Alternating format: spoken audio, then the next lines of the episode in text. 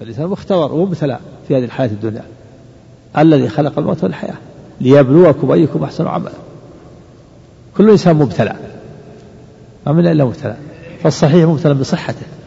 هل يستمر في طاعة الله أو في معصيته؟ والمريض مبتلى بمرض. هل يصبر أو يجزع؟ والغني مبتلى بغناه.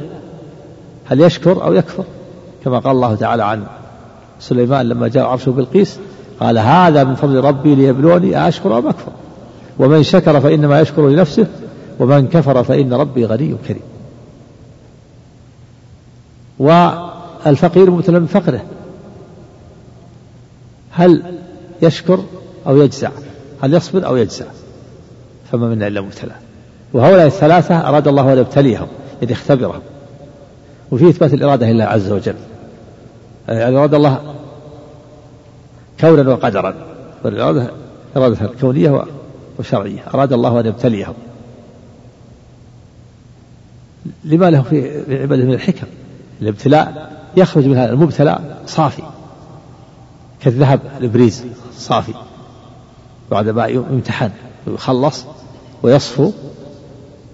حتى الأنبياء أنبياء الله أفضل الناس ابتلاهم الله.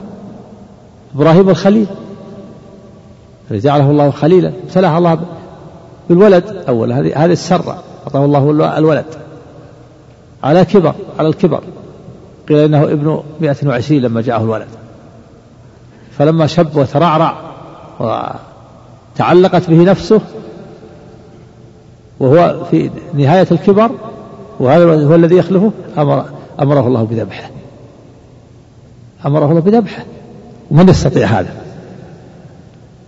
كبير السن وأتاه الولد على الكبر وترعرع. وفي وقت محبته ووقت حاجته. حتى حتى تصفو خلته. وحتى يقدم محبة الله على محبة الناس. لأنه مالت إليه شعبة من قلبه. فالله تعالى أراد أن يخلصه ويصفيه فامتحنه بذبح الولد. فقدم أمر الله ومحبة الله على محبة الولد. وأقدم. وقال لابنه يا بني إني أرى في المنام أني أذبحك فانظر ماذا ترى. قال يا أبت افعل ما تؤمر. الابن البار ستجدني إن شاء الله من الصابرين. فأقدم فأقدم على ذبحه وأخذ السكين وأضجعه وأجرى السكين على حلقه.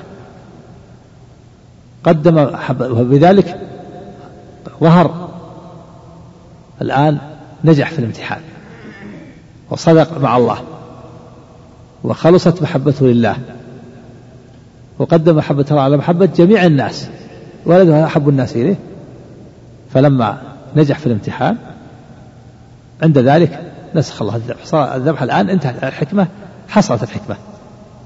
فسلب الله خاصية السكين فلم فلم تقطع. سلب الله خاصيتها لا أجرها على اللسان فلم تقطع. كما أنه سلب خاصية النار التي أحرق بها إبراهيم فلم تحرق.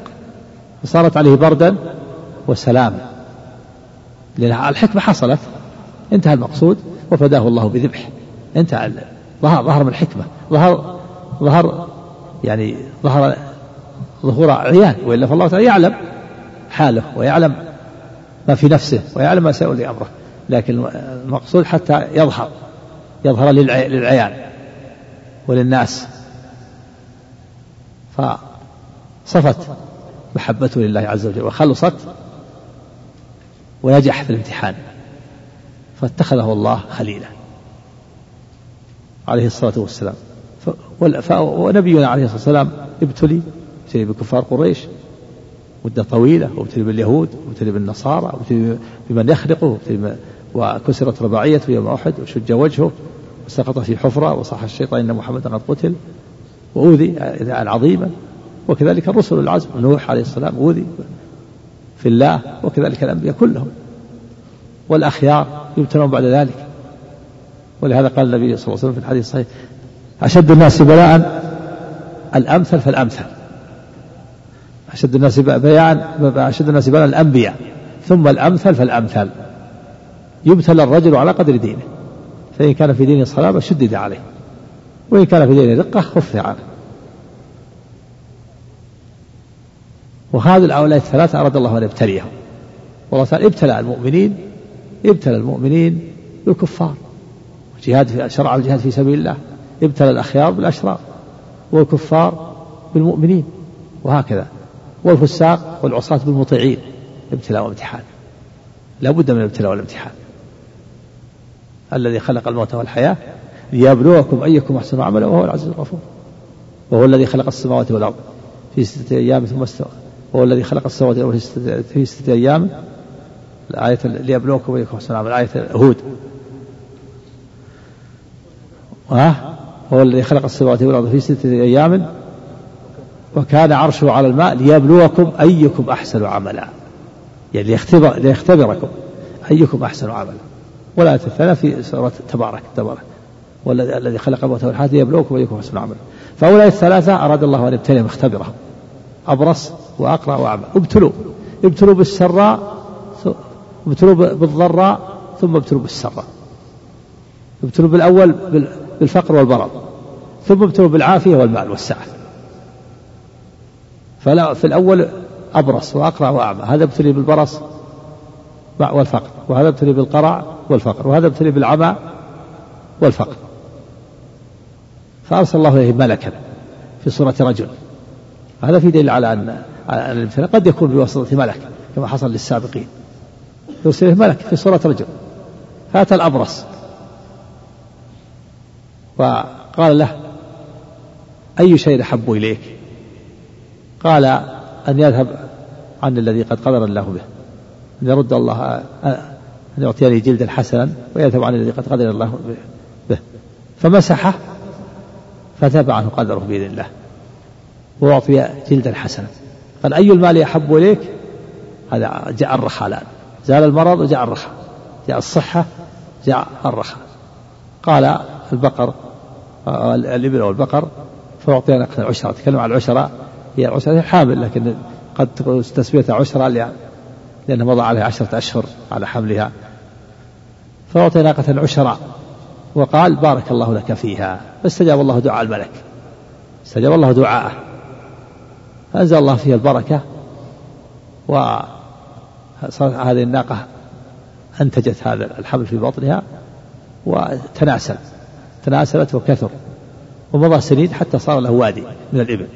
وأتى الملك الأقرع وقال أي شيء أحب إليه قال شعر حسن ويذهب عن الذي قد قدر الله به ويذهب عن الذي قد قدر الناس به. فذهب مسحه بإذن الله فذهب عنه قدره وذهب عنه القرع وأعطاه الله شعرا حسنا. في الحال. لأن الله تعالى قدر ذلك بواسطة مسح الملك. ثم قال أي المال يحب لي قال البقر فأعطي شاء بقرة حاملا. وقال بارك الله لك فيها. فاستجاب الله دعاء الملك. جعلها بالبركة. استجاب الله دعاءه فأنتجت الحمل وتناسى وتوالدت حتى صار واد له واد من البقر. وأتى الأعمى فقال أي شيء أحب إليك؟ قال أن يرد الله علي بصري فأبصر به الناس. فمسحه فرد الله عليه بصره في الحال. فقال أي شيء أحب أي مال أحب إليك؟ قال الغنم فأعطي شاة والدا وقال بارك الله لك فيها. فاستجاب الله دعاءه. قال فأنتج هذان وولد هذا. أنتج هذان الأبرص والأقرع. يقال أنتج في البقر والغنم في البقر والإبل. وولد هذا يعني الأعمى. ولد. أنتج وولد معناه أنه تولى نتاجها وولدتها. فالأبرص صار له وادي من الإبل والأقرع صار له وادي من البقر والأعمى صار له وادي من الغنم ومضت سنين. مضت سنين طويلة. مضت سنين. ليس في الحال. ثم جاء الابتلاء مرة أخرى.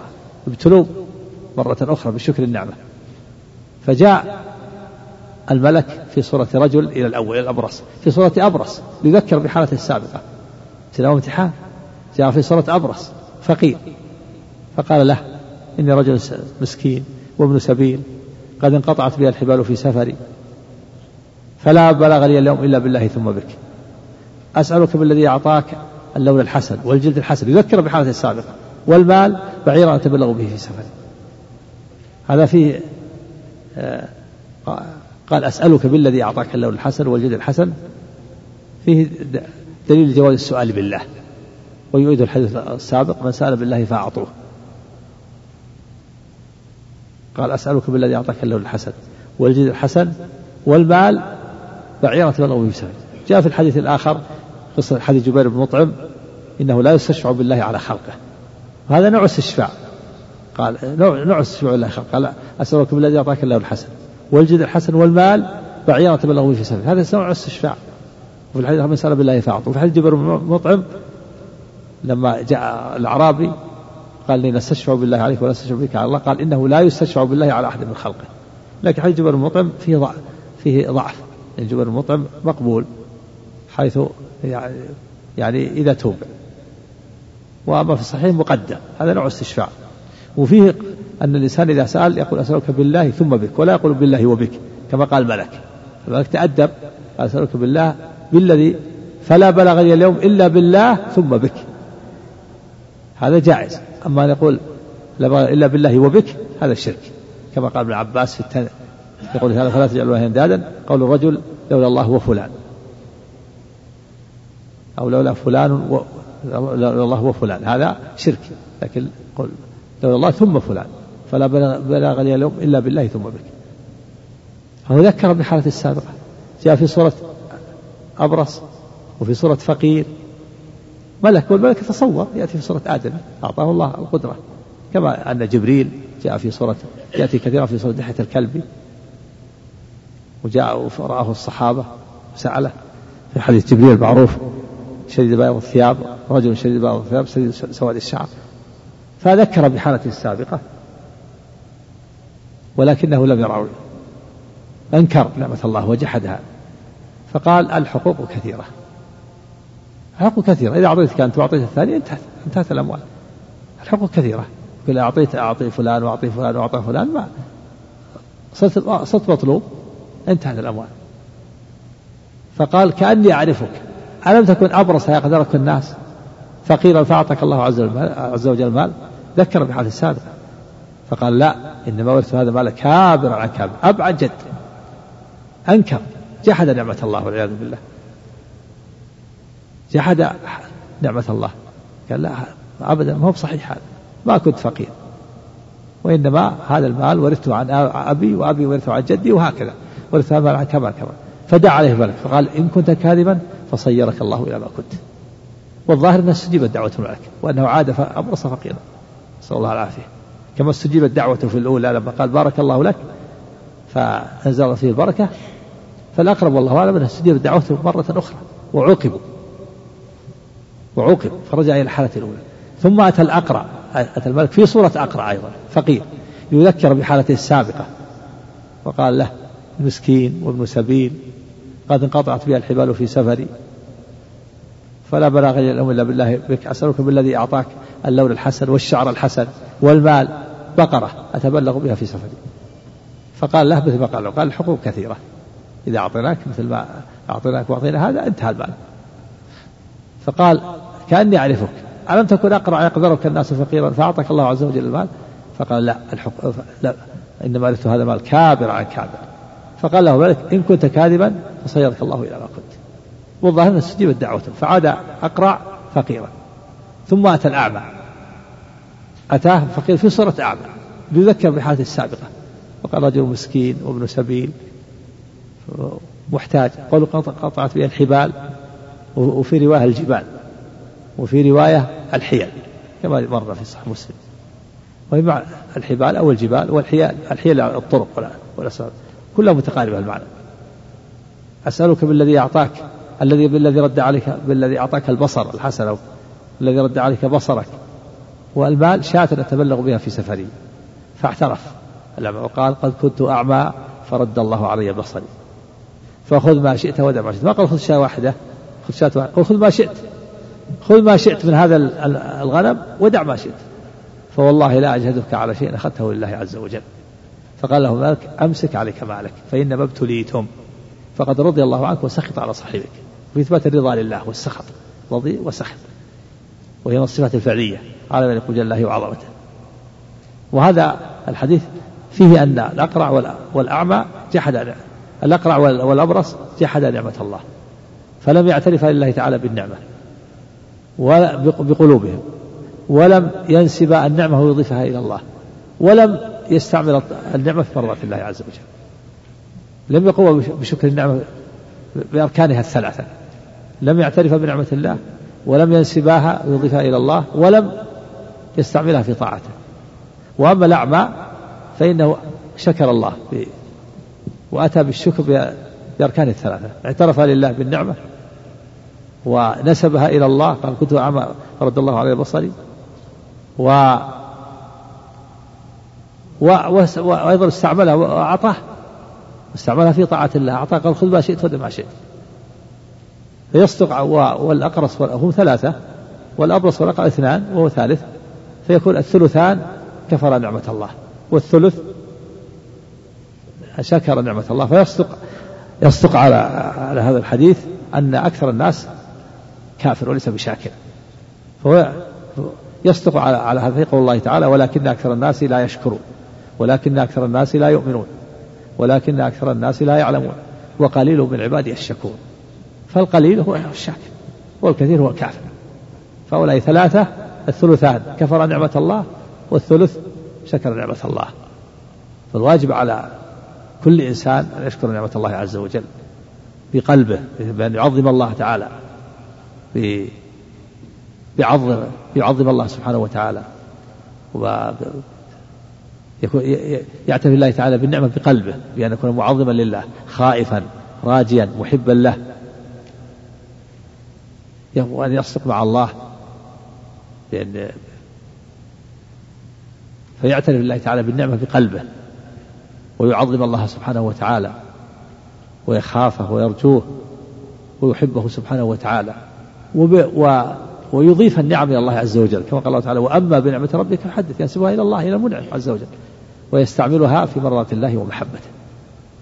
فلا بد في شكر النعمة من الاعتراف بالنعمة بالقلب ولا بد من الاعتراف بالمنعم.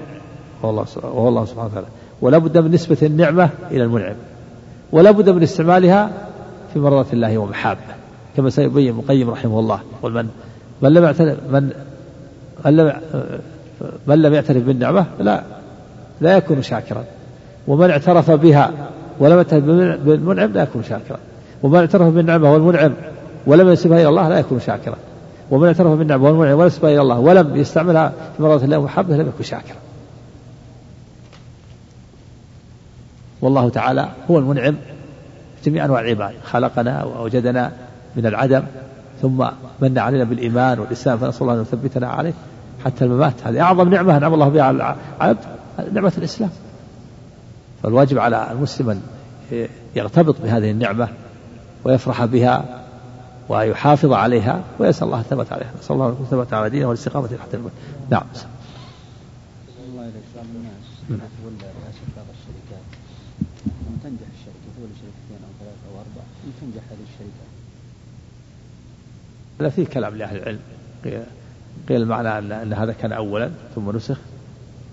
آه، وقيل إن هذا آه، نعم.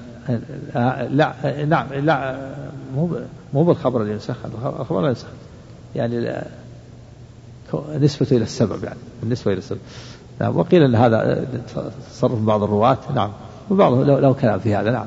وقيل هذا مستثنى وأنه يدل على القليل.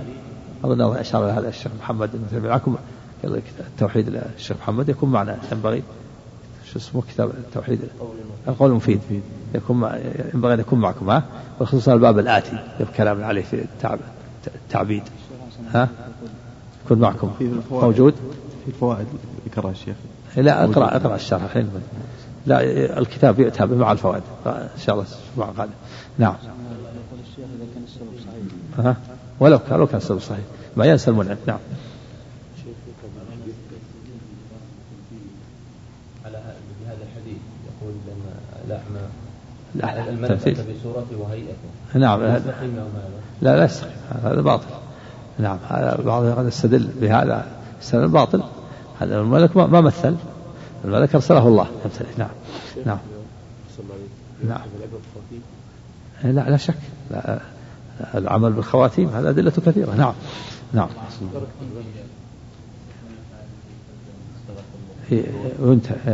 مثل ما جاء في الحديث يهرعون وينتج وتنتج تنتج الناقة تنتج الناقة. إيه تنتج تأتي على صيغة ويهرعون هذه من الأشياء اللازمة. ضبط ضبط ها؟ لا هو جاءت في تنتج أقرب الله محتمل نشوف في القاموس. نعم. هذا في المضارع. لكن هذا أنتج في الماضي. تكلم على الشارح كأنه ما ذكرها في هذا. نعم. نعم. نشوفه في القاموس. نعم. إيه. إيه. ما ما في معنى. ليس ليس معناها إن ظهر له شيء خفي عليه. يعني بمعنى أراد. يعني بمعنى أراد. نعم. أحسن عليكم. بسم الله الرحمن الرحيم. الحمد لله رب العالمين. صلى الله وسلم وبارك على نبينا محمد وعلى آله وصحبه أجمعين. قال الشيخ عبد الرحمن بن الحسن رحمه الله في فتح المجيد شرح كتاب التوحيد قال المصنف رحمه الله تعالى باب قول الله تعالى ولئن أذقناه رحمة منا من بعد ضراء مسته ليقولن هذا لي وما أظن الساعة قائمة ولئن رجعت إلى ربي إن لي عنده للحسنى فلننبئن الذين كفروا بما عملوا ولنذيقنهم من عذاب غليظ. ذكر المصنف رحمه الله تعالى عن ابن عباس وغيره من المفسرين في معنى هذه الآية وما بعدها ما يكفي في المعنى ويشفي. قال المصنف رحمه الله تعالى قال مجاهد هذا بعملي وأنا محقوق به. وقال ابن عباس يريد من عندي. وقوله قال إنما أوتيته على علم عندي. قال قتاده على علم مني بوجوه المكاسب. وقال آخرون على علم من الله أني له أهل وهذا معنى قول مجاهد أوتيته على شرف. قال وليس فيما ذكروه اختلاف وإنما هي أفراد المعنى. قال العماد بن كثير رحمه الله في معنى قوله تعالى ثم ثم إذا خولناه نعمة منا قال إنما أوتيته على علم بل هي فتنة. يخبر أن الإنسان في أن الإنسان في حال الضر قال يخبر أن الإنسان في حال الضر يضرع إلى الله عز وجل. قال قال عماد بن كثير. نعم قال عماد بن كثير رحمه الله. نعم. في معنى قول الله تعالى ثم إذا خولناه نعمة منا قال إنما أوتيته على علم بل هي فتنة. قال يخبر أن الإنسان في حال الضر يضرع إلى الله عز وجل وينيب إليه ويدعوه. ثم إذا خوله نعمة منه طغى وبغى. وقال إنما أوتيته على علم. أي أي لما يعلم الله استحقاقي له ولولا أني عند الله خصيص. حضيض ولا عند الله حضيض يعني ذو حظ. ولولا عند الله حضيض لما أعطاني هذا.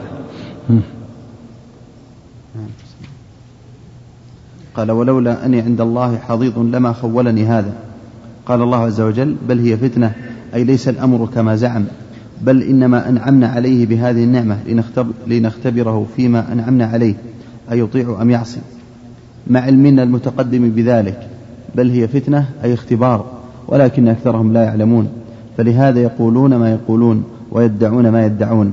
قد قالها الذين من قبلهم أي قد قال هذه المقالة وزعم هذا الزعم وادعى هذه الدعوة كثير ممن سلف من الأمم فما أغنى عنهم ما كانوا يكسبون. أي فما صح قولهم ولا نفعهم جمعهم وما كانوا يكسبون. كما قال تعالى مخبرا عن قارون إذ قال له قومه لا تفرح إن الله لا يحب الفرحين. وابتغ فيما آتاك الله الدار الآخرة. ولا تنس نصيبك من الدنيا. وأحسن كما أحسن الله إليك. ولا تبغي الفساد في الأرض. إن الله لا يحب المفسدين. قال إنما أوتيته على علم عندي. أولم يعلم أن الله قد أهلك من قبله. من قبله. قد أهلك من قبله من القرون من هو أشد منه قوة وأكثر جمعا. ولا يسأل عن ذنوبهم المجرمون.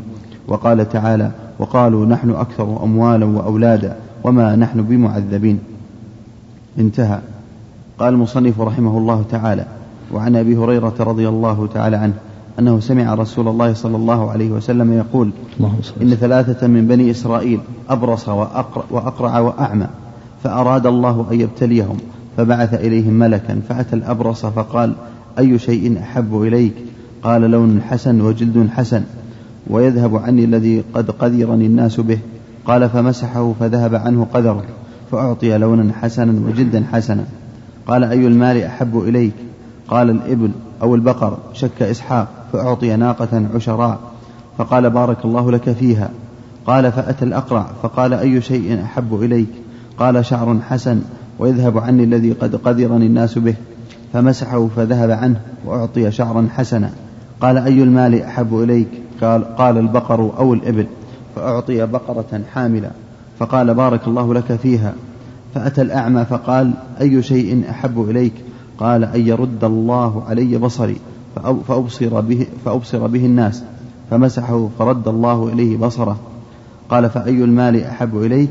قال الغنم فأعطي شاة والدة فأنتج هذان وولد هذا. أنتج عنده؟ الشكل. الشكل أنتج يعني ما شاء على أنها ملازمة المفعول نعم. شوف أنتج القاموس. قال في رواية فنتج. بعد ها؟ يأتي كلام الشارع بعدها أسمع نعم نعم. ما ضبطه. العش عشرة ما وجدت. كلام. ها؟ يقول في نتجت نتجت الناقة كعنية إيه نتجت. نتجت الناقة كعنية نتاجا وأنتجت وقد نتجها أهلها. نتج. وأنتجت الفرس حان نتاجها. ها؟ أنتجت. بإيش؟ أعد. أنتج أنتج. قال عفوا أنتجت الناقة إيه؟ كعنية إيه؟ نتاجا والاسم عفوا بالكسر. وأنتجت وقد نتجها أهلها. وأنتجت الفرس حان نتاجها فهي نتوج. لا منتج. مو لازم. منتجة ويهرعون في في ألفاظ معدودة جاءت على على البناء المفعول وهي مبنية للفاعل منتجة عندك الآن الشكل عندك منتجة في في الشرح على عبارة الشارح. نعم. ضبطها بالشكل. ما قال أنتج قالوا في رواية فنتج. قالوا في رواية فنتج. معناه تولى تشديد نعم معناه تولى نتاجها نعم. طيب. إيه. قابل المال يتولد المرأة. نعم. قدر الناس به. إيه؟ اعتراض على قدر الله. لا ما هو اعتراض. طلب طلب العلاج والشفاء. نعم. نعم. ذكر المحشن تفصيل المادة هذه في المصباح أكثر من إيه في المصباح المنير نعم. اسمع عليك. يلاحظ أن الأعمى قال أن يرد الله علي بصري إيه؟ يعني هذا يعني إيه؟ إيه ما في اعتراض بخلاف الأقرع وال إيه؟ قال شعر حسن إيه؟ وقال آخر جد حسن. إيه كل يعني أقصد يعني حسن عبارة الأعمى. إيه العمى قال أن يرد الله علي اللي عنده العمى ما فيها عاهة إلا هي العام. كان ممكن يقول بصر أو كان ها؟ كان ممكن يقول كسابقيه بصر أبصر به أو كذا. هو هذا هو المعنى واحد. يرد الله عليه بصر. نعم. نعم عليك الدعاء البركة كان الأقرع وال يعني كأنه كأن من الابتلاء أكثر. ولا ولا ولا ما ما, ما, ما, في بارك الله فيك. ما جاء. أو شاة واحد ما قال ما في بارك الله لك نعم. فيها. دعا للأقرع والأبرص بالبركة. المثل ما فيه؟ يراجع يراجع طرق الحديث. يراجع. له طرق الحديث. يمكن في رواية أخرى. بارك الله فيها. كلهم الأقرب أنهم حكم واحد. يعني بدليل قال كان هذا وادي من الغنم. هذا نعم. أحسن عليك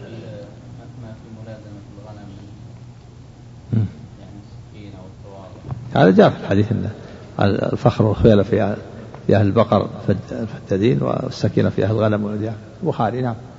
يستفيد يستفيد ها؟ نعم يستفاد من من وضاعتها ووداعتها. وهذا أولئك استفادوا خيلاء وكبر. نعم يؤيد ما في شك. يؤيد الحديث هذا. الفخر والخيلاء في أهل في أهل الإبل فدادين. والسكينة في والدعت في أهل الغنم. نعم. أحسن عليك. قال فكان لهذا واد من الإبل ولهذا واد من البقر ولهذا واد من الغنم. قال ثم إنه أتى الأبرص في صورته وهيئته فقال رجل مسكين وابن سبيل قد انقطعت بي الحبال في قد انقطعت بي الحبال في سفر هذا فلا بلاغ لي اليوم إلا بالله ثم بك. أسألك بالذي أعطاك اللون الحسن والجلد الحسن والمال بعيرا أتبلغ به في سفري. فقال الحقوق كثيرة. فقال له كأني أعرفك ألم تكن أبرص يقدر يقدرك الناس فقيرا فأعطاك الله المال؟ فقال إنما ورثت المال إنما ورثت هذا المال كابرا عن كابر. قال إن كنت كاذبا فصيرك الله إلى ما كنت. قال وأتى الأقرع في صورته وهيئته فقال له مثل ما قال لهذا ورد عليه مثل ما رد عليه هذا. فقال له إن كنت كاذبا فصيرك الله إلى ما كنت. قال فأتى الأعمى في صورته وهيئته فقال رجل مسكين وابن سبيل. قد انقطعت بي الحبال في سفري. فلا بلاغ لي اليوم إلا بالله ثم بك. أسألك بالذي رد عليك بصرك شاة أتبلغ بها في سفري. فقال قد كنت أعمى فرد الله علي بصري. فخذ ما شئت ودع ما شئت. فوالله لا أجهدك اليوم بشيء أخذته لله. أخذته. آه نعم. قال فوالله لا أجهدك اليوم بشيء أخذته لله. فقال أمسك مالك. فإنما ابتليتم. فقد رضي الله عنك وسخط على صاحبيك أخرجاه. قال أخرجاه أي البخاري ومسلم والناقة العشراء بضم العين وفتح الشين وبالمد هي الحامل والعشراء من النوق التي مضى لحملها عشرة أشهر أو ثمانية أو هي كالنفساء من النساء وجمعها عشراوات وعشار أو العشار اسم يقع على النوق حتى ينتج بعضها وبعضها ينتظر نتاجها إيه. أو كالنفساء يعني منها بعد بعد الولادة تسمى عشرة يقول أو كالنفساء لأن النفساء معناها المرأة بعد الولادة تسمى نفساء. نعم. عليك قال قوله أنتج وفي رواية فنتج معناه تولى نتاجها والناتج للناقة كالقابلة كالقابلة نعم. للمرأة. قوله أنتج كذا بالضبط بالشكل. اي بالشكل. نعم. وكما مر في القاموس نعم. نعم. ملازمة لفعل بيان المفعول. أنتج تنتج الناقة في الحديث. نعم. حتى تنتج التي في بطنها نعم. أحسن قوله ولد هذا هو بتشديد اللام أي تولى ولادتها وهي بمعنى أنتج في الناقة فالمولد والناتج والقابلة بمعنى واحد لكن هذا للحيوان وذلك لغيره. قوله انقطعت به الحبال هو بالحاء المهملة والباء الموحدة أي الأسباب. إيه. قوله لا لا أروي الجبال وروي الحيل مرة في مسلم كأنه كأن الشارح ما يعني ما انتبه للرواية اللي جاءت هذا مرة في مسلم. الجبال الحبال والجبال والحيل. ولهذا والحيل مع الطرق والأسباب بمعنى واحد متقارب. جبال نعم. قوله لا أجهدك معناه لا أشق عليك في رد شيء تأخذه أو تطلبه من مالي ذكره النووي. وهذا حديث عظيم وفيه معتبر. فإن, الأول فإن الأولين جحدا نعمة الله فما أقر لله بنعمة ولا نسب النعمة إلى المنعم بها. ولا أدى حق الله فيها بنعمه. فحل علي فحل عليهما السخط. يعني ما أتى ولا بركن من الأركان. لا اعترف إلا بالنعمة ولم يضيفها إليه ولم يستعملها في طاعته. نعم. كل أركان الشكر الثلاثة هدمت عندهم. نعم.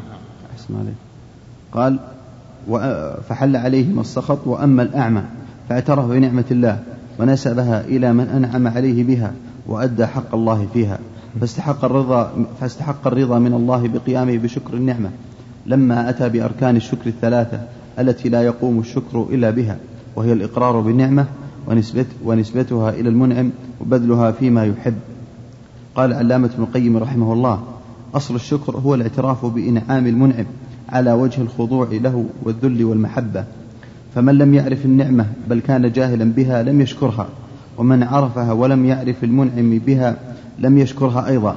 ومن عرف النعمة والمنعم لكن جحدها كما يجحد, كما يجحد المنكر لنعمة المنعم المنعم علي المنعم عليه بها فقد كفرها.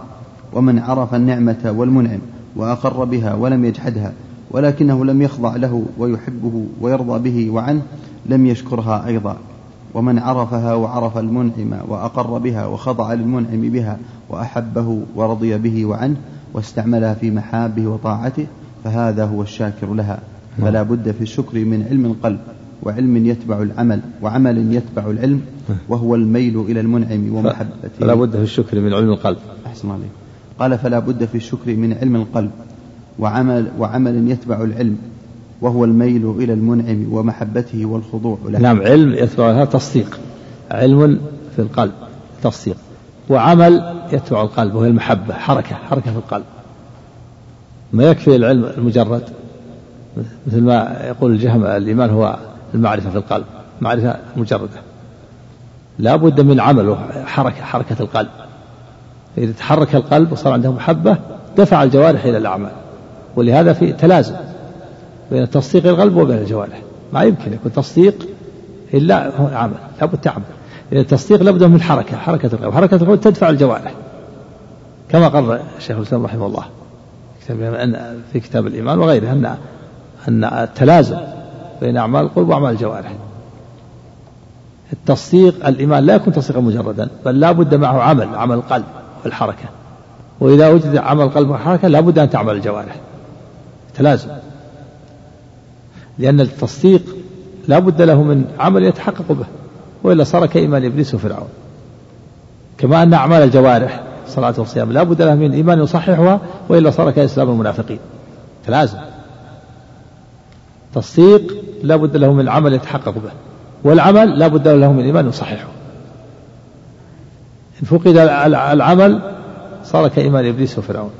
وإن فقد الإيمان من العمل صار كإسلام المنافقين. نعم.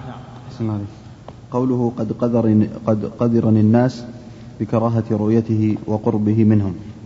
قال المصنف رحمه الله في مسائل الأولى تفسير الآية. يعني ولا إن ذكرهم آية فصلت. ولا إن ذكرهم من ضراء مسته نعم. الثانية ما معنى ما معنى ليقولن هذا لي؟ نعم. كما بين نقل عن مجاهد وغيره. هذا بعمل ونحكم به. نعم. ونحكم به. نعم. الثالثة ما معنى قوله قال إنما أوتيته على علم عندي؟ كذلك. نقل عن نقل عن مجاهد وعن غيره. أوتيته على شرف على علم مني أني له أهل. نعم. الرابعة ما في هذه القصة العجيبة من العبر العظيمة نعم سبقت باب قول الله تعالى نعم فلما أتاهم. وش التنبيهات اللي تقول للشيخ؟ معك تنبيهات؟ أحسن عليك. أحدهم آه، ذكر الفوائد انتقاها من شرح كتاب التوحيد وجعلها في فوائد إيش؟ فوائد الحديث هذا؟ عموما فوائد الفوائد عموما. فوائد شرح الشيخ. إيه. ثم قال فوائد المنتقاه من شرح كتاب التوحيد للشيخ محمد بن صالح العثيمين رحمه الله. من هو؟ أبو محمد إسماعيل بن مرشود بن إبراهيم الرميح. إيه. يعني كيف انتقى الفوائد؟ يذكر فائدة في كل باب أحسن عليك. يذكر فيه الفائدة. كل باب مستقل؟ ورقمها تقريبا. الباب هذا وش ذكر فيه؟ ما ذكر فيه شيء ما ذكر. إيه. طيب. سم. بسم الله الرحمن الرحيم. الحمد لله رب العالمين. صلى الله وسلم وبارك على نبينا محمد وعلى آله وصحبه أجمعين. أما بعد قال الشيخ الإمام المجدد محمد بن عبد الوهاب رحمه الله تعالى في كتاب التوحيد باب قول الله تعالى فلما آتاهما صالحا جعل له شركاء فيما آتاهما فتعالى الله عما يشركون. قال ابن حزم رحمه الله اتفقوا على تحريم كل اسم معبد لغير الله كعبد عمر وعبد الكعبة وما أشبه ذلك حاشا عبد المطلب. وعن ابن عباس رضي الله عنهما في معنى الآية فلما تغشاها قال أي آدم حملت فأتاهما إبليس. فقال أنا صاحبكما الذي أخرجكما من الجنة. أنا صاحبكما الذي أخرجتكما من الجنة. قال أنا صاحبكما الذي أخرجتكما من الجنة. لتطيعان لتطيعانني أو لا جعلن له قرني أيل. فيخرج أيل. بطن أيل تشديد. قرني أيل نعم. تشديد نعم. أو لأجعلن له قرن أيل فيخرج من بطنك فيشقه فأبيا أن يطيعاه فخرج ميتا. ثم حملت آه ثم حملت ف فأتاهما. فأتاهما فذكر لهما ما ذكر. فأبى أن يطيعاه فخرج ميتا. ثم حملت فذكر لهما مثل ما فأتى فأتاهما. فذكر نعم. نعم فذكر لهما مثل ما قال. فأدركهما حب الولد. فسمي نعم في الأولى قال فآتاه فذكر له ذلك فأبى أن يطيعه فخرج به. نعم. ثم حملت نعم فآتاهما فذكر لهما فأدركهما حب الولد. نعم فسمياه عبد الحارث فذلك قوله فجعل له جعل له شركاء فيما فيما آتاهما. قال وأخرج رواه ابن أبي حاتم. رواه ابن أبي حاتم وله بسند صحيح عن قتادة رحمه الله قال شركاء. شركاء في طاعته ولم يكن في عبادته وله بسند صحيح عن مجاهد قال فلما أتاهما صالح أشفق قال أشفق أن لا يكون إنسانا. نعم قال أشفق أن لا يكون إنسانا وذكر وذكر عن عن الحسن وسعيد بمعنى. وذكر معناه. نعم وذكر معناه عن الحسن وسعيد وغيرهما. نعم. بسم الله الرحمن الرحيم. الحمد لله رب العالمين والصلاة والسلام على نبينا محمد وعلى آله وصحبه أجمعين. أما بعد قال الإمام المجدد الشيخ محمد بن عبد الوهاب رحمه الله في كتاب التوحيد باب قول الله تعالى فلما آتاهما صالحا جعل له شركاء فيما آتاهما فتعالى الله عما يشركون. المقصود من هذه الترجمة وجوب التعبيد في الاسم لله وتحريم التعبيد في الاسم لغير الله وأن التسمية وأن وأن التسمية وأن التسمية لغير الله محرمة. وجوب التعبيد لله في الاسم. وأن التعبيد لغير الله في الاسم محرم. هذا هو المقصود من الترجمة. وجوب التعبيد في الاسم لله وأن التسمية وأن التعبيد في التسمية لغير الله محرم. قال قال ابن حزم رحمه الله على على هذه الآية اتفقوا على تحريم كل اسم معبد لغير الله كعبد عمرو وعبد الكعبة وما أشبهه حاشا عبد المطلب. المعنى يقول إن العلماء أجمعوا على تحريم التعبيد لغير الله كعبد عمرو وعبد الكعبة وعبد علي. حاشا عبد المطلب فإنهم لم يجمعوا على تحريمه وإنما اختلفوا في تحريمه وذلك لأمرين. الأمر الأول أن عبد أن أن عبد المطلب أن تسمية عبد المطلب ليس من التعبيد لغير الله وإنما هي من التعبيد تعبيد الرق. وذلك أن شيبة الحمد جد النبي صلى الله عليه وسلم جاء به عمه المطلب من أخواله في المدينة مردفا إياه. وكانت الشمس قد غيرت لونه إلى السواد فلما أقبل به إلى المدينة ظنوا أنه عبده فقالوا عبد المطلب. فسمي عبد المطلب وإلا هو شيبة الحمد من أخيه هو شيبة الحمد من أخيه فغلبت عليه هذه التسمية فالتسمية تعبيد ليس من تعبيد غير الله وإنما من تعبيد الرق. والأمر الثاني ولأن المراد بها مجرد الإخبار وليس المراد التعبيد. مجرد الإخبار فقط. والأمر الثاني أن أن في الصحابة من اسمه عبد المطلب كعبد المطلب بن ربيعة ولم يغيره النبي صلى الله عليه وسلم. فلذلك استثني عبد المطلب وما عداه فإنه على التحريم. قال وعن ابن عباس رضي الله عنهما على هذه الآية فلما أتاهما صالحا جعل له شركاء فيما أتاهما. تعالى الله عما يشركون. قال لما تغشاها يعني لما تغشاها آدم حملت. ف لما تغشاها آدم حملت فلما كبر حملها فلما كبر حملها وقارب الولادة جاءهما إبليس فقال أنا صاحبكم الذي أخرجتكم من الجنة.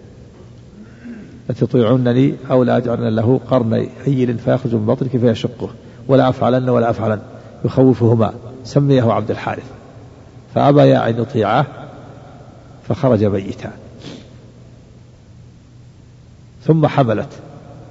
فلما قرب وضعها أتاهما إبليس فذكرهما فأبيا أن يطيعاه فخرج ميتا. ثم حملت. المرة الثالثة. فأتاهما إبليس فذكر لهما ذلك فأدركهما حب الولد فسمياه عبد الحارث. وذلك قوله تعالى فلما آتاهما صالحا جعل له شركاء فيما آتاهما رواه ابن أبي حاتم. وله يعني ابن أبي حاتم بسند صحيح عن قتادة قال في الآية جعل له شركاء فيما آتاهما قال شركاء في طاعته ولم يكن في عبادته.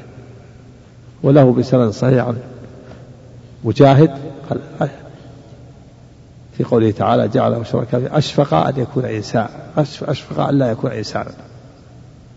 وذكر معناه عن الحسن والسعيد وغيرهما. هذه القصة أو التي رواها ابن عباس من أخبار بني إسرائيل. لأن ابن عباس رضي الله عنهما ممن يأخذ عن بني إسرائيل. ممن يأخذ عن بني إسرائيل فهي من أخبار بني إسرائيل. ولا تصح. وروى هذا هذا رويت هذه القصة أيضا. آه، رواه الإمام أحمد من طريق عمر بن إبراهيم عن قتادة عن الحسن عن سمرة.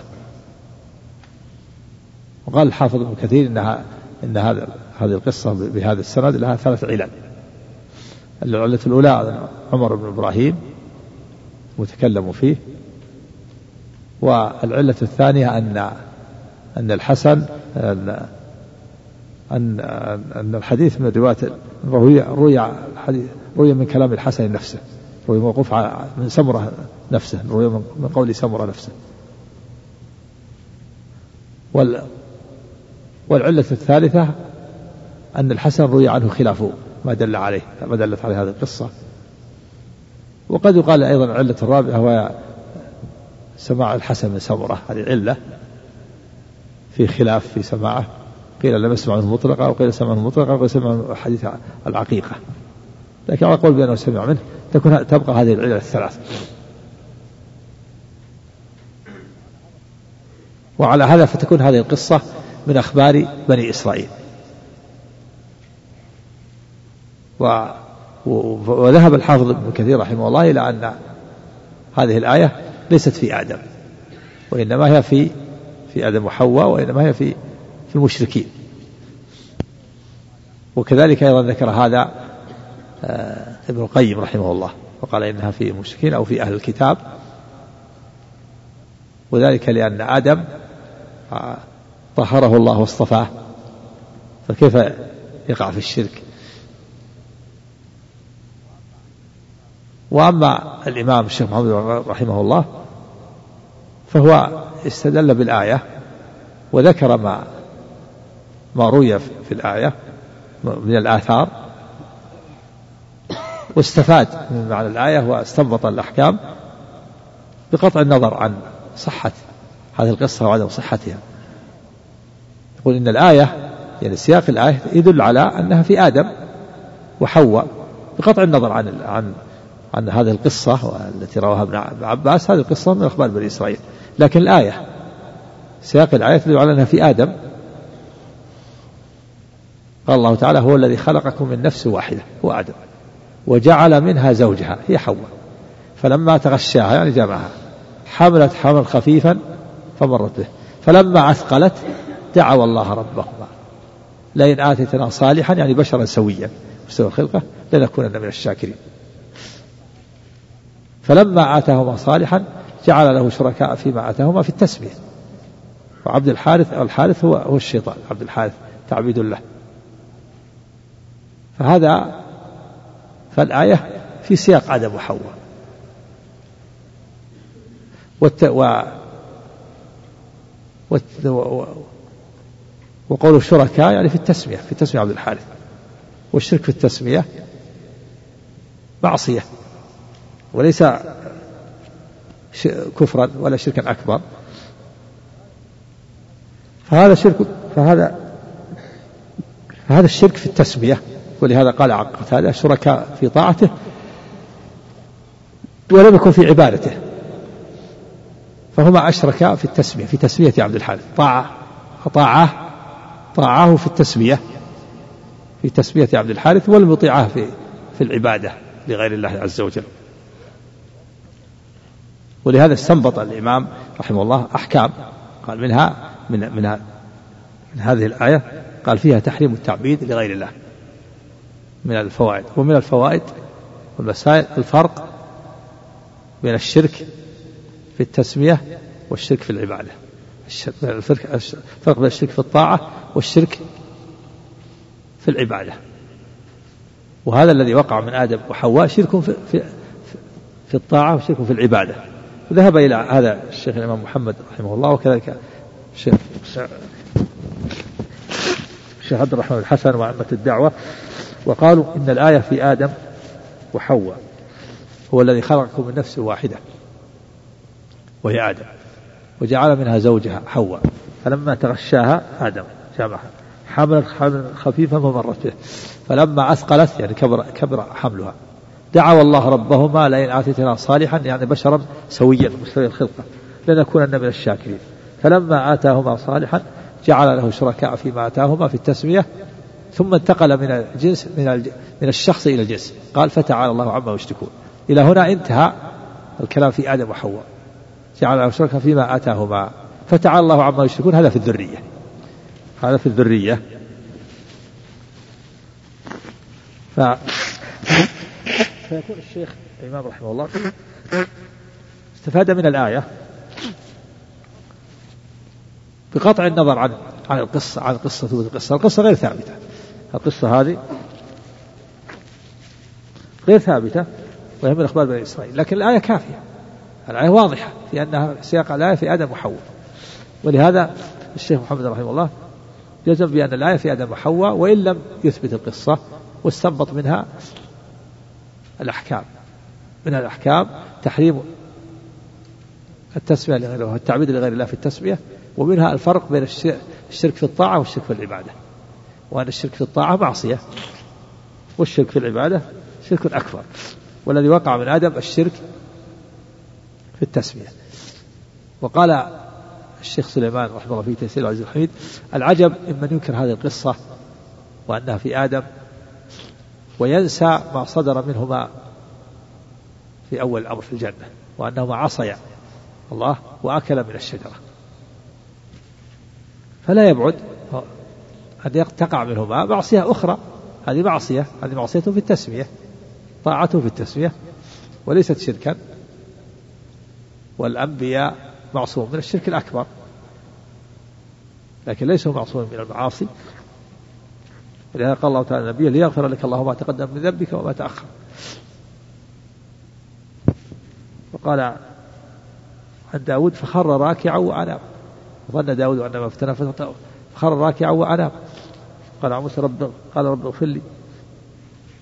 قال مني ظلمت نفسي فاغفر لي. وإن كانت معصية اللي حصل من موسى قبل قبل النبوة.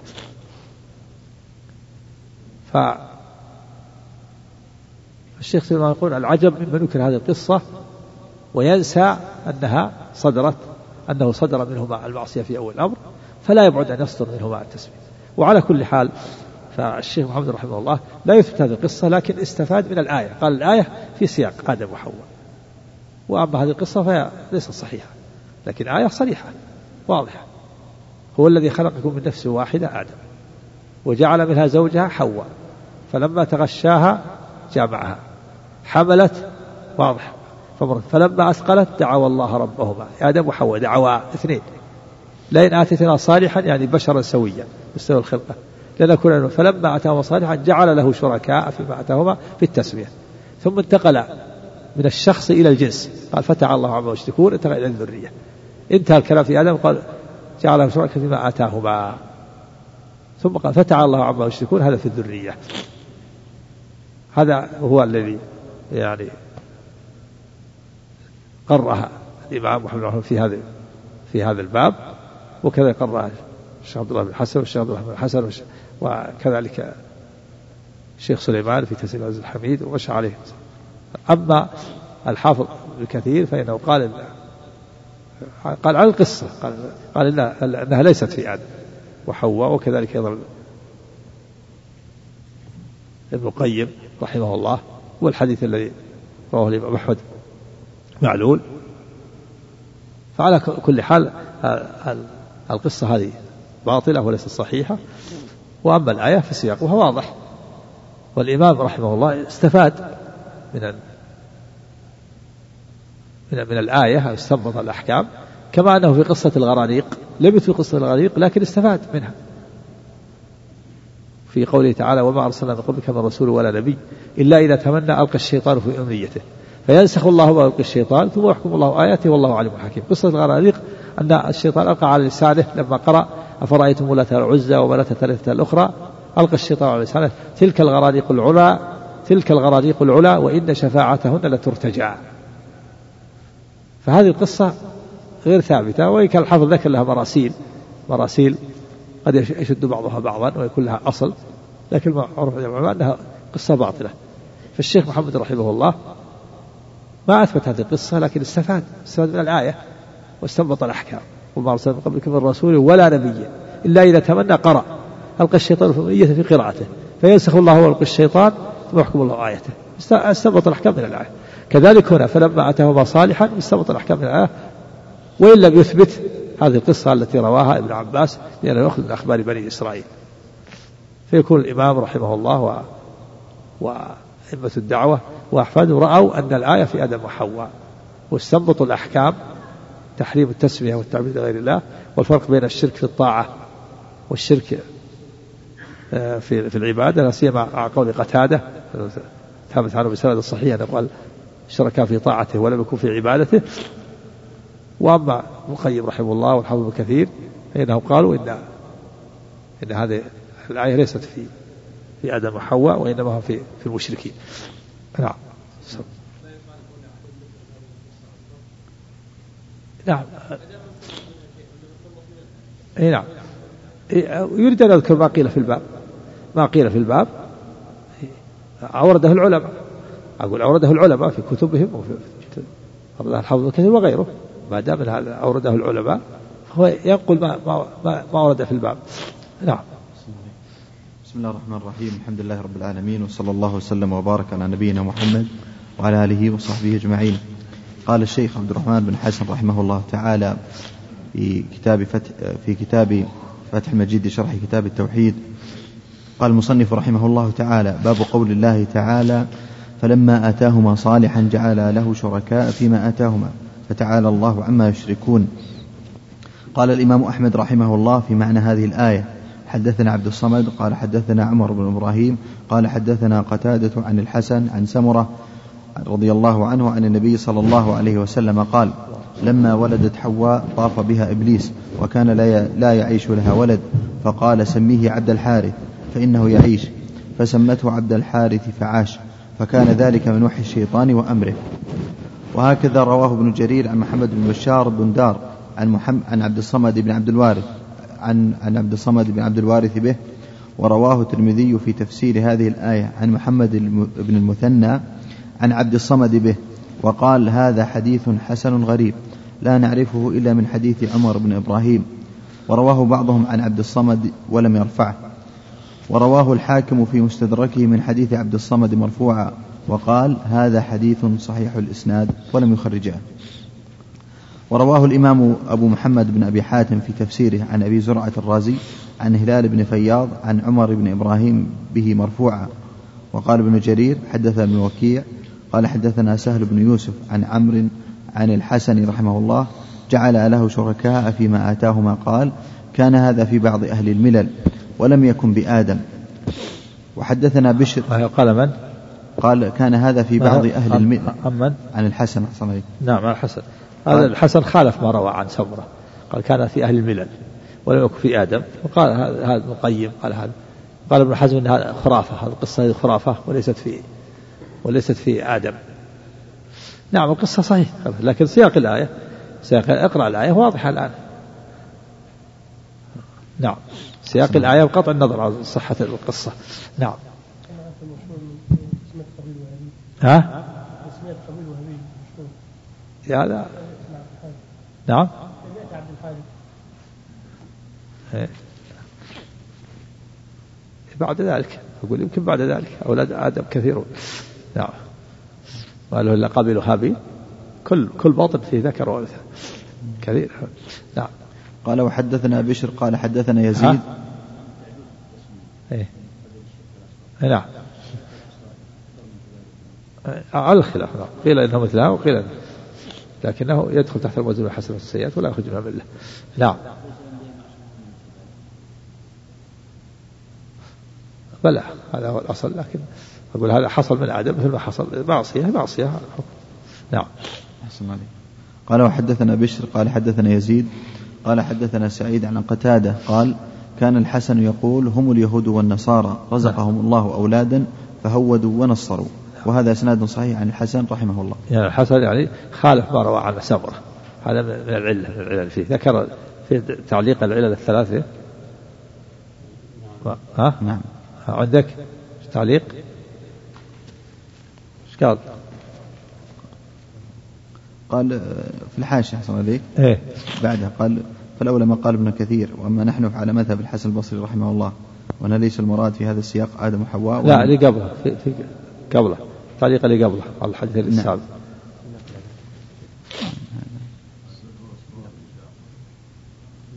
نعم أحسن عليك.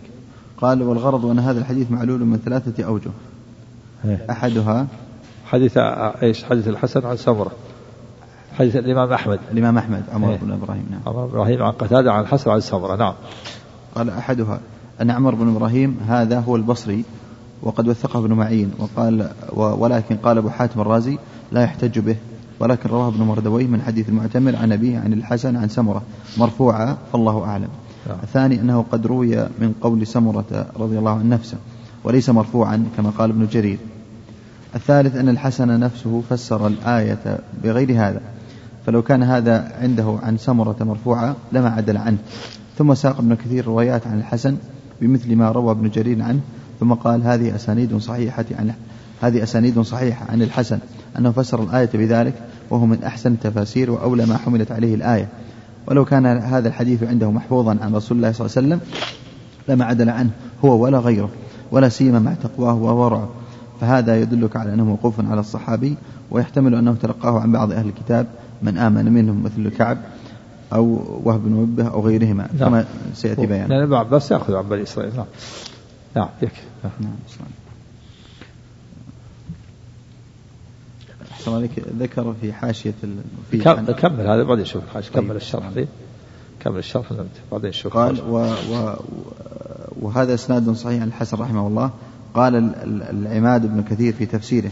وأما الآثار فقال محمد بن إسحاق عن داود بن الحصين عن عكرمة عن ابن عباس قال كانت حواء تلد لآدم عليه السلام أولادا فتعبدهم لله.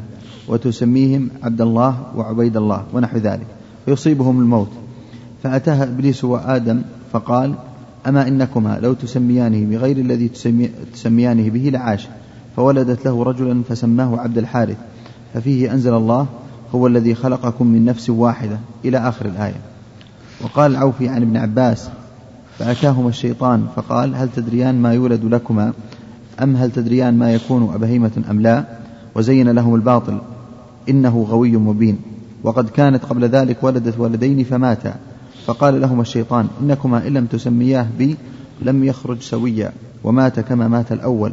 فسمي فسمي فسميا ولده فسميا ولدهما عبد الحارث. فذلك قول الله تعالى فلما آتاهما صالحا جعل له شركاء فيما آتاهما فتعالى الله عما يشركون. وذكر مثله عن سعيد بن جبير عن ابن عباس ورواه ابن أبي حاتم. وقد تلقى هذا الأثر عن ابن عباس جماعة من أصحابه كمجاهد وعكرمة وسعيد بن جبير ومن الطبقة الثانية قتادة والسدي وجماعة من الخلف ومن المفسرين ومن المتأخرين جماعات لا يحصون كثرة.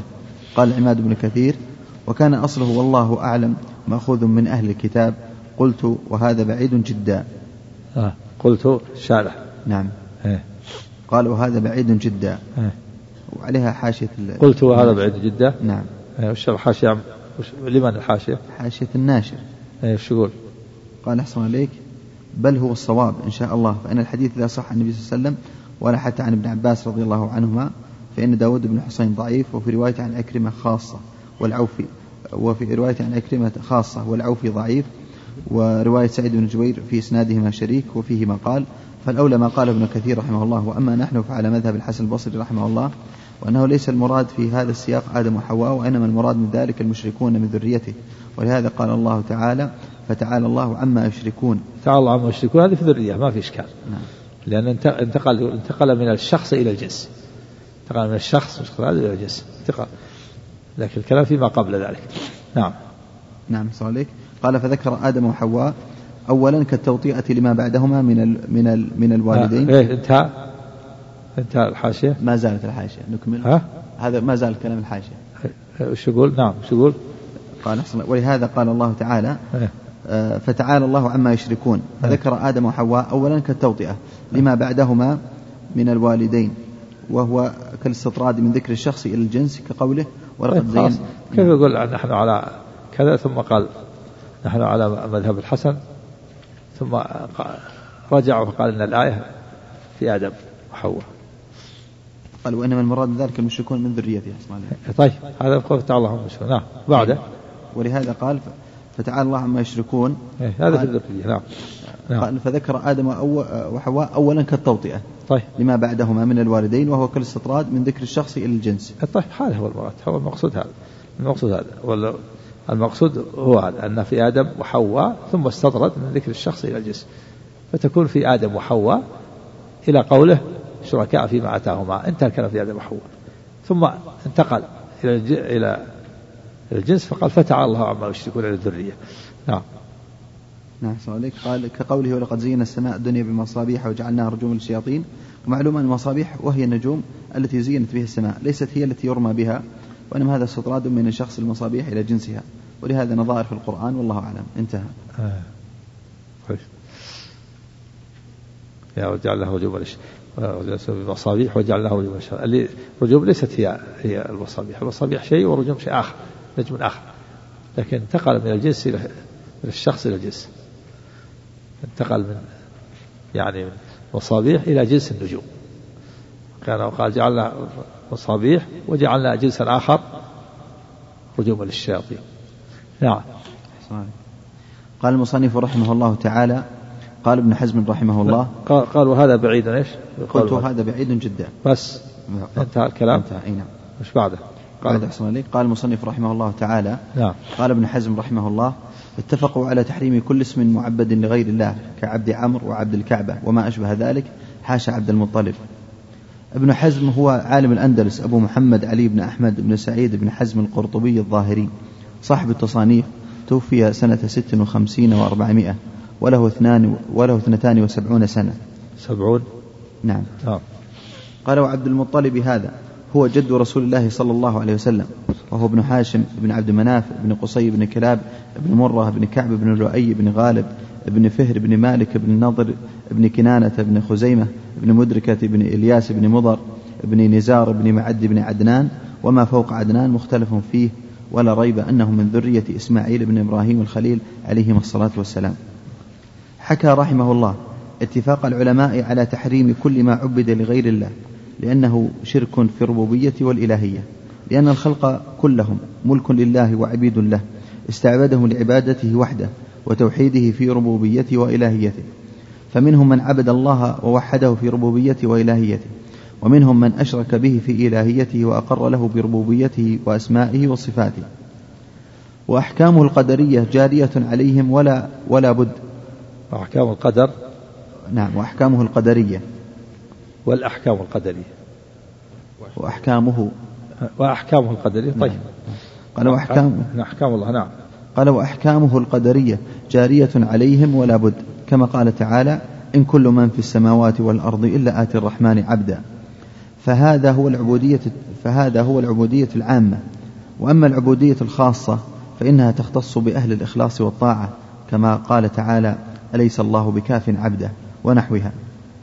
قوله حاشا عبد المطلب هذا استثناء من العموم المستفاد من كل وذلك أن تسميته بهذا الاسم لا محذور فيه لأن أصله من عبودية الرق وذلك أن المطلب أخو هاشم قدم المدينة وكان ابن أخيه شيبة هذا قد نشأ في أخواله بني النجار من الخزرج لأن هاشما تزوج فيهم امرأة فجاءت منه بهذا الابن. فلما شب في أخواله وبلغ سن التمييز سافر به عمه سافر به عمه المطلب إلى مكة بلد أبيه وعشيرته فقدم به مكة وهو رديفه.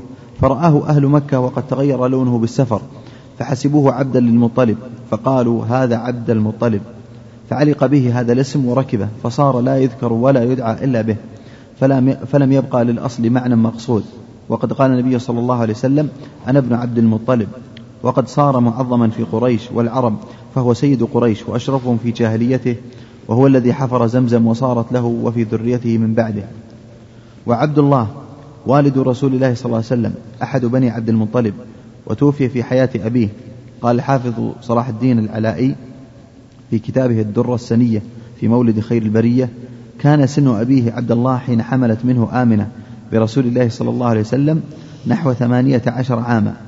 ثم ذهب إلى المدينة ليمتار منها تمرا لأهله فمات بها عند أخ... عند أخواله بني النجار والنبي صلى الله عليه وسلم حمل على الصحيح انتهى.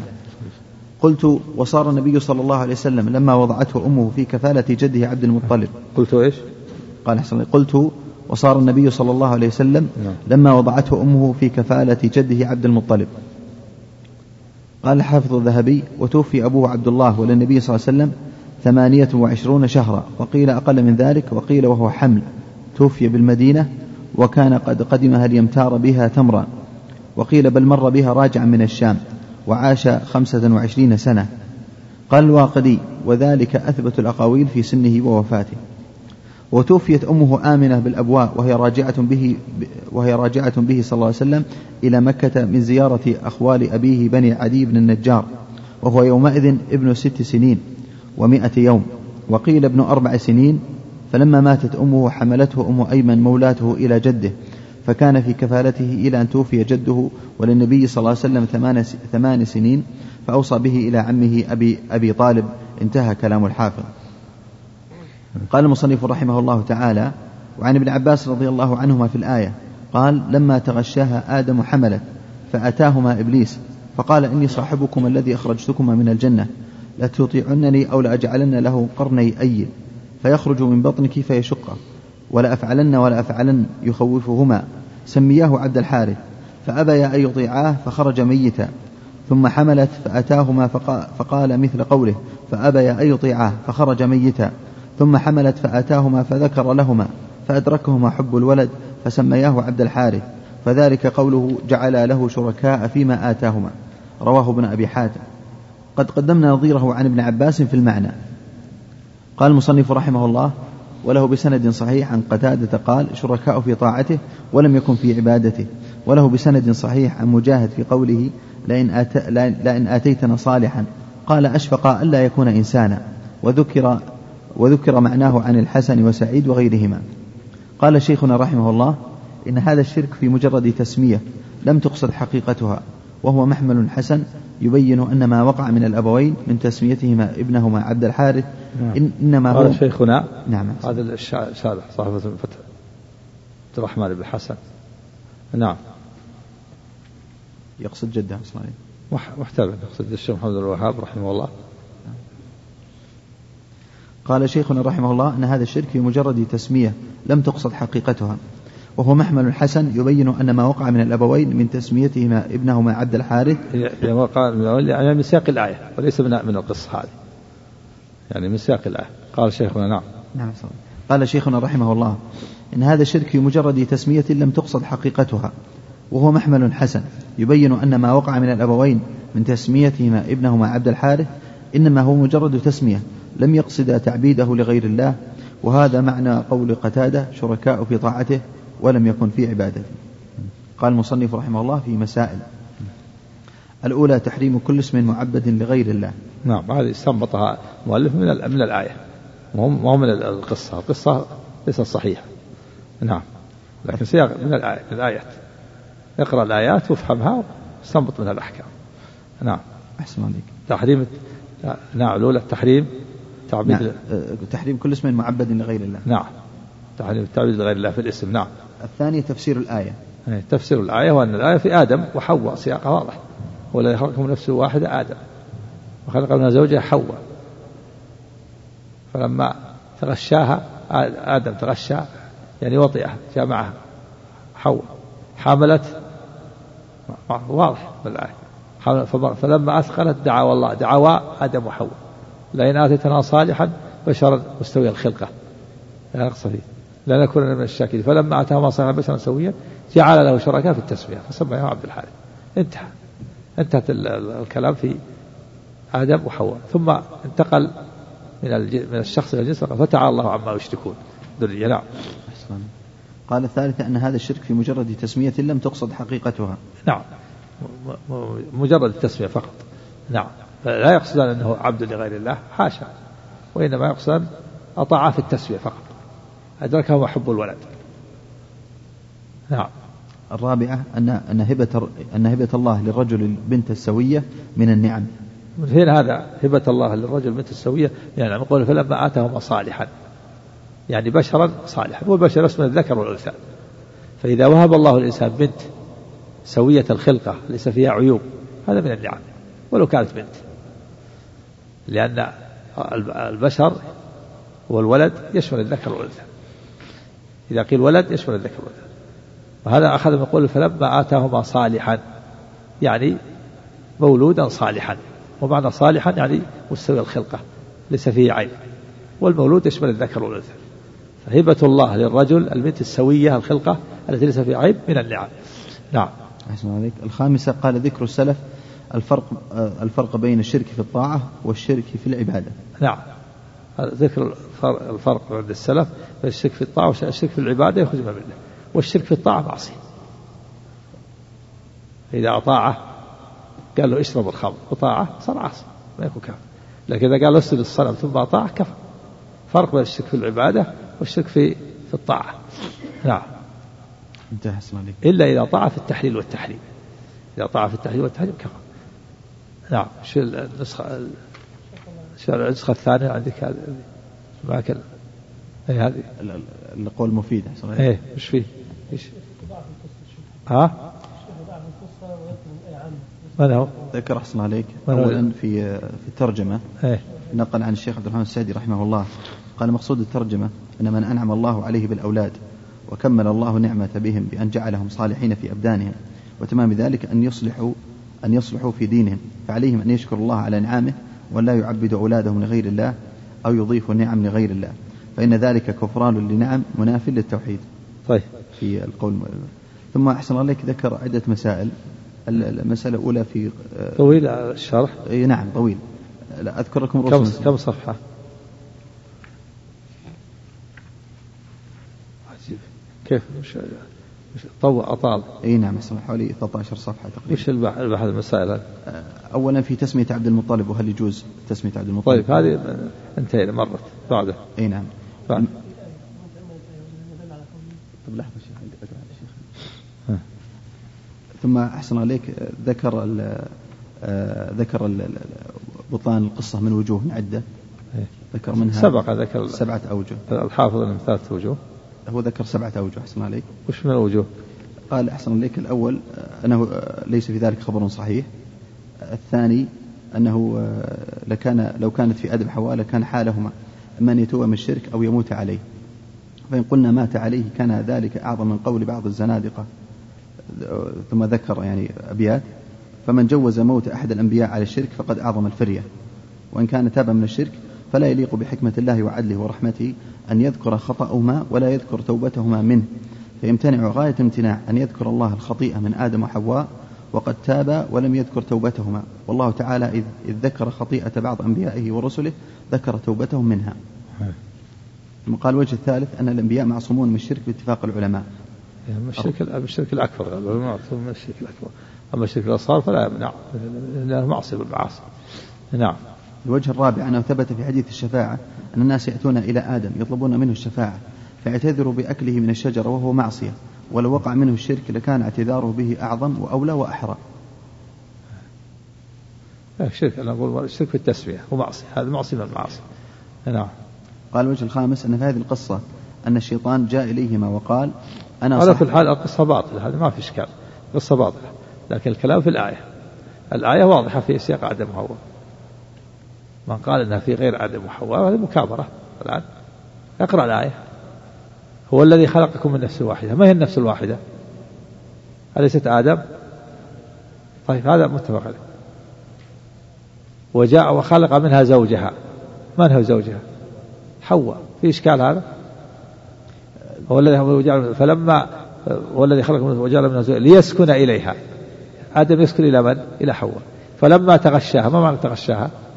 جامعها فلما حملت في إشكال في الحمل أنها حملت حواء فحملت حملا خفيفا فمرت به. فلما أثقلت كبر الحمل. فلما فلما أثقلت دعوا الله ربهم. من الذي دعوا؟ آدم وحواء. لئن آتيتنا صالحا يعني مولودا صالحا لنكون من الشك فلما آتاهما صالحا جعل له شركاء. فلما آتاهما من هما؟ الاثنين آدم وحواء. صالحا جعل له شركاء. ما هو الشرك؟ وهو شرك في أي شيء في التسمية كما قال قتادة في التسمية لا في الطاعة. فالآية واضحة. بقطع النظر عن عن كون القصة قاتاهما وقال لا جعلنا كذا وكذا وجعلنا قرن أيل فيأخذ من بطنك فيشقه. و... الله ذكر أنه جعل شرك في التسمية ثم انتقل من الجنس إلى الشخص من الشخص إلى الجنس ففتح الله عما يشركون طيب مش بعد ذكر قول ثاني في النفس أحسن عليه يعني قد يكون يعني مساق.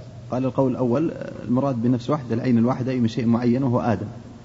ثم ذكر القول الثاني. العين ما في شك هذا نعم. نعم. قال ذكر أن المراد بالنفس الجنس. يعني وجعل من هذا الجنس زوجه ولم يجعل زوجه من جنس البقر أو الضأن أو الملائكة مثلا. والنفس قد يراد بها الجنس كما في قوله تعالى لقد من الله على المؤمنين إذ بعث فيهم رسولا من أنفسهم. هذا أي من جنسهم. بعيد هذا بعيد. نعم. بعيد هذا نعم. نعم. ها تكلم ما في شك نعم. نعم وش بعده؟ قال تكلم عن قوله جعل له شركاء فيما آتاهما. إيه. يعني ما يمكن أن يحمل عليه. قال آه، نقول على هذا ثلاثة أوجه. أن يعتقد أن الذي أتى بهذا الولد هو الولي الفلاني وهذا شرك أكبر. الوجه الثاني أن يضيف سلامة المولود وقاية للأطباء وإرشادتهم فيقول مثلا سلم الله هذا الولد من طلق لأن القابلة متقنة. هذا استطراد هذا استطراد. نعم. استطراد. ها.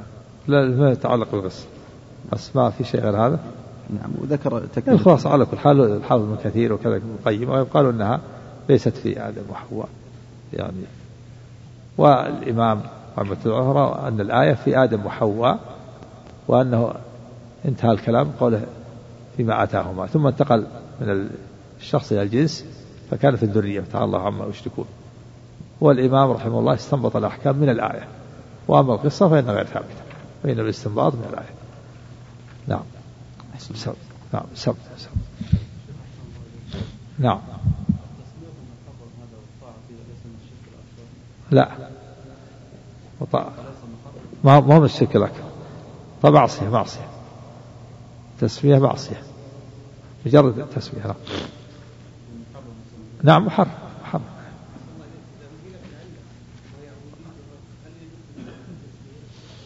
لا.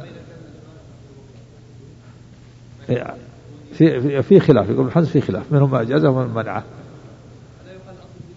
لا لا هو الأصل. هو الأقرب أن يقال انها يعني قد يقال إن هذا آه، عبد المطلب هذا من باب الخبر إنه شيء مضى. مثل بنو عبد شمس وبنو عبد المطلب. لكن يبقى إشكال إنه في الصحابة عبد المطلب ولا يغيره قال يقال إنه شيء مضى. قال بعضهم ليس المطلب وانه هو المطلب. ابن ربيعة. على كل حال التعبيد غير محرم ويستثنى عبد عبد المطلب من الإجماع الإجماع على التحريم. واختلفوا فيه. يبقى واختلفوا فيه. على الترجيح يبقى شيء نعم سب. بسم الله الرحمن الرحيم. الحمد لله رب العالمين. صلى الله وسلم وبارك على نبينا محمد وعلى آله وصحبه أجمعين. أما بعد فقال الشيخ الإمام المجدد محمد بن عبد الوهاب رحمه الله تعالى في كتاب التوحيد باب قول الله تعالى ولله الأسماء الحسنى فادعوه بها وذروا الذين يلحدون في أسمائه سيجزون ما كانوا يعملون. ذكر ابن أبي حاتم عن ابن عباس رضي الله عنهما ولله الأسماء الحسنى فادعوه يلحدون في اسماء يلحدون في أسمائه. قال يشركون. وعنه سموا اللات من الإله والعزى من العزيز. وقال الأعمش آه، يضيفون عن الأعمش يدخلون فيها ما ليس منها. وعن الأعمش يدخلون فيها ما ليس منها. ثم قال رحمه الله باب لا يقال السلام على الله. في الصحيح عن ابن مسعود رضي الله عنه قال كنا إذا كنا مع النبي صلى الله عليه وسلم في الصلاة قلنا السلام على الله من عباده السلام على فلان وفلان. فقال النبي صلى الله عليه وسلم لا تقولوا السلام على الله فإن الله هو السلام. بسم الله الرحمن الرحيم الحمد لله رب العالمين وصلى الله وسلم وبارك على عبد الله ورسوله نبينا محمد وعلى اله وصحبه اجمعين اما بعد قال المؤلف الامام الشيخ محمد بن الوهاب رحمه الله في كتاب التوحيد باب قول الله تعالى ولله الاسماء الحسنى فادعوه بها وذروا الذين وذروا الذين يلحدون في اسمائه سيجزون ما كانوا يعملون ذكر ابن ابي حاتم عن ابن عباس يلحدون في اسمائه اي يشركون وعنه سموا اللات من الإله والعزى من العزيز. وعن الأعمش قال يدخلون فيها ما ليس منها. هذا الباب وهو قوله تعالى باب قول الله تعالى ولله الأسماء الحسنى فادعوه بها. مقصود المؤلف من هذه الترجمة إثبات الأسماء الحسنى لله عز وجل ودعاؤه بها والحذر من الإلحاد فيها. ووعيد الملحدين والرد على من توسل توسل بأسماء المخلوقين.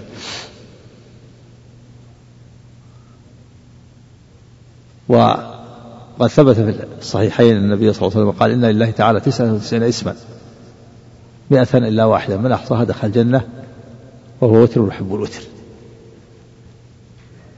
فالله, فالله تعالى له أسماء كثيرة وهذا الحديث المقصود منه الحث على تتبع هذه تسعة وتسعين اسما من من النصوص حتى يحصل له هذا الفضل من الحصانات دخل الجنة. وليس المراد الحصر فإن أسماء الله ليست محصورة ب 99 أسماء الله كثيرة. يدل على ذلك حديث ابن مسعود أسألك بكل اسم هو لك سميت بنفسك أو أنزلته في كتابك أو علمته أحدا من خلقك أو استأثرت به في علم الغيب عندك. فيها أسماء استأثر الله به في علم الغيب عنده.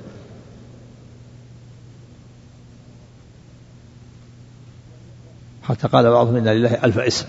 المقصود لا تحصر أسماء الله. ليس هناك يدل على حصرها. ولكن المقصود من هذا الحديث بيان هذا الوصف أن لله 99 اسما موصوفة بأن من أحصاها دخل الجنة. ولم تبين هذه الأسماء. أخفاها الله تعالى حتى يطلبها الناس ويبحثون عنها ويعرفون ليعرفون من الكتاب والسنة ليكثر أجرهم كما أخفى ليلة القدر في العشر الأواخر من رمضان وكما أخفى ساعة الجمعة. وإحصاؤها يشمل عدها وتعدادها وحفظها وفهم معانيها ودعاء الله بها والتوسل إليه بها. والعمل بمقتضاها.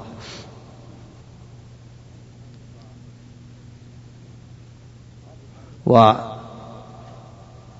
وهذه الآية الكريمة ولله الأسماء الحسنى فيها بيان أن أسماء الله كلها حسنى وأنا بالغة في الحسن والكمال النهاية.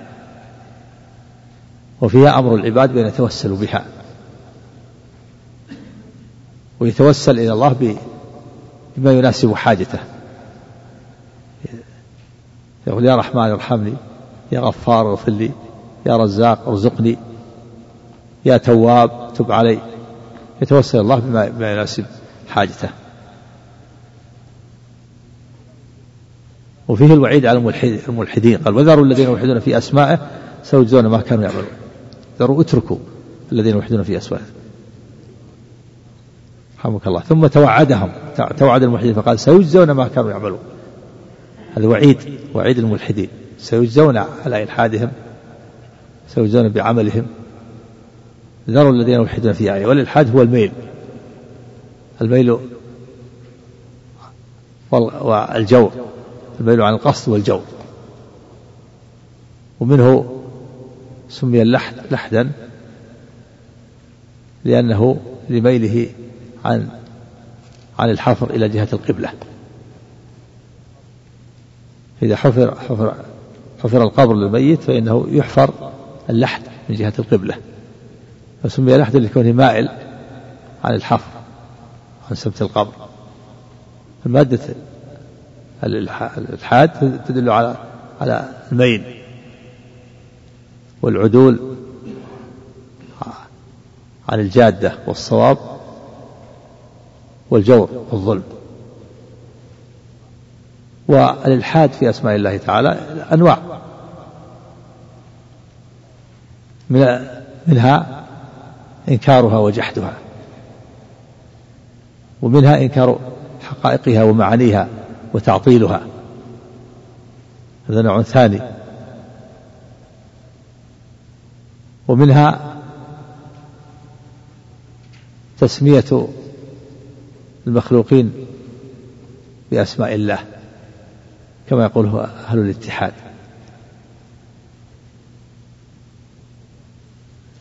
تسمية تسمية المخلوقين بأسماء الله فالاتحادية يقولون الناس أن هذه الأسماء كلها أسماء لمخلوقاته. أسماء لمخلوقاته. سواء كانت ممدوحة أو مذمومة. فهذه الأسماء كلها ليست إنما أسماء أسماء لمخلوقاته. لأن الاتحادية يرون الوجود واحد والعياذ بالله. ومنها الميل بها عن جهة الصواب وتأويله بالتأويلات الباطلة. ومنها تسمية تسمية الله أبا كالنصارى. فهذا من إلحاد النصارى يسمون الله أبا. الأب والابن والروح القدس. ومنها تسميته علة كالفلاسفة الذين يسمون يقولون علة غائية لحركة الفلك. فكل من أنواع الإلحاد في أسماء الله وصفاته. وما يجري خبر أو صفة عن الله عز وجل أنواع.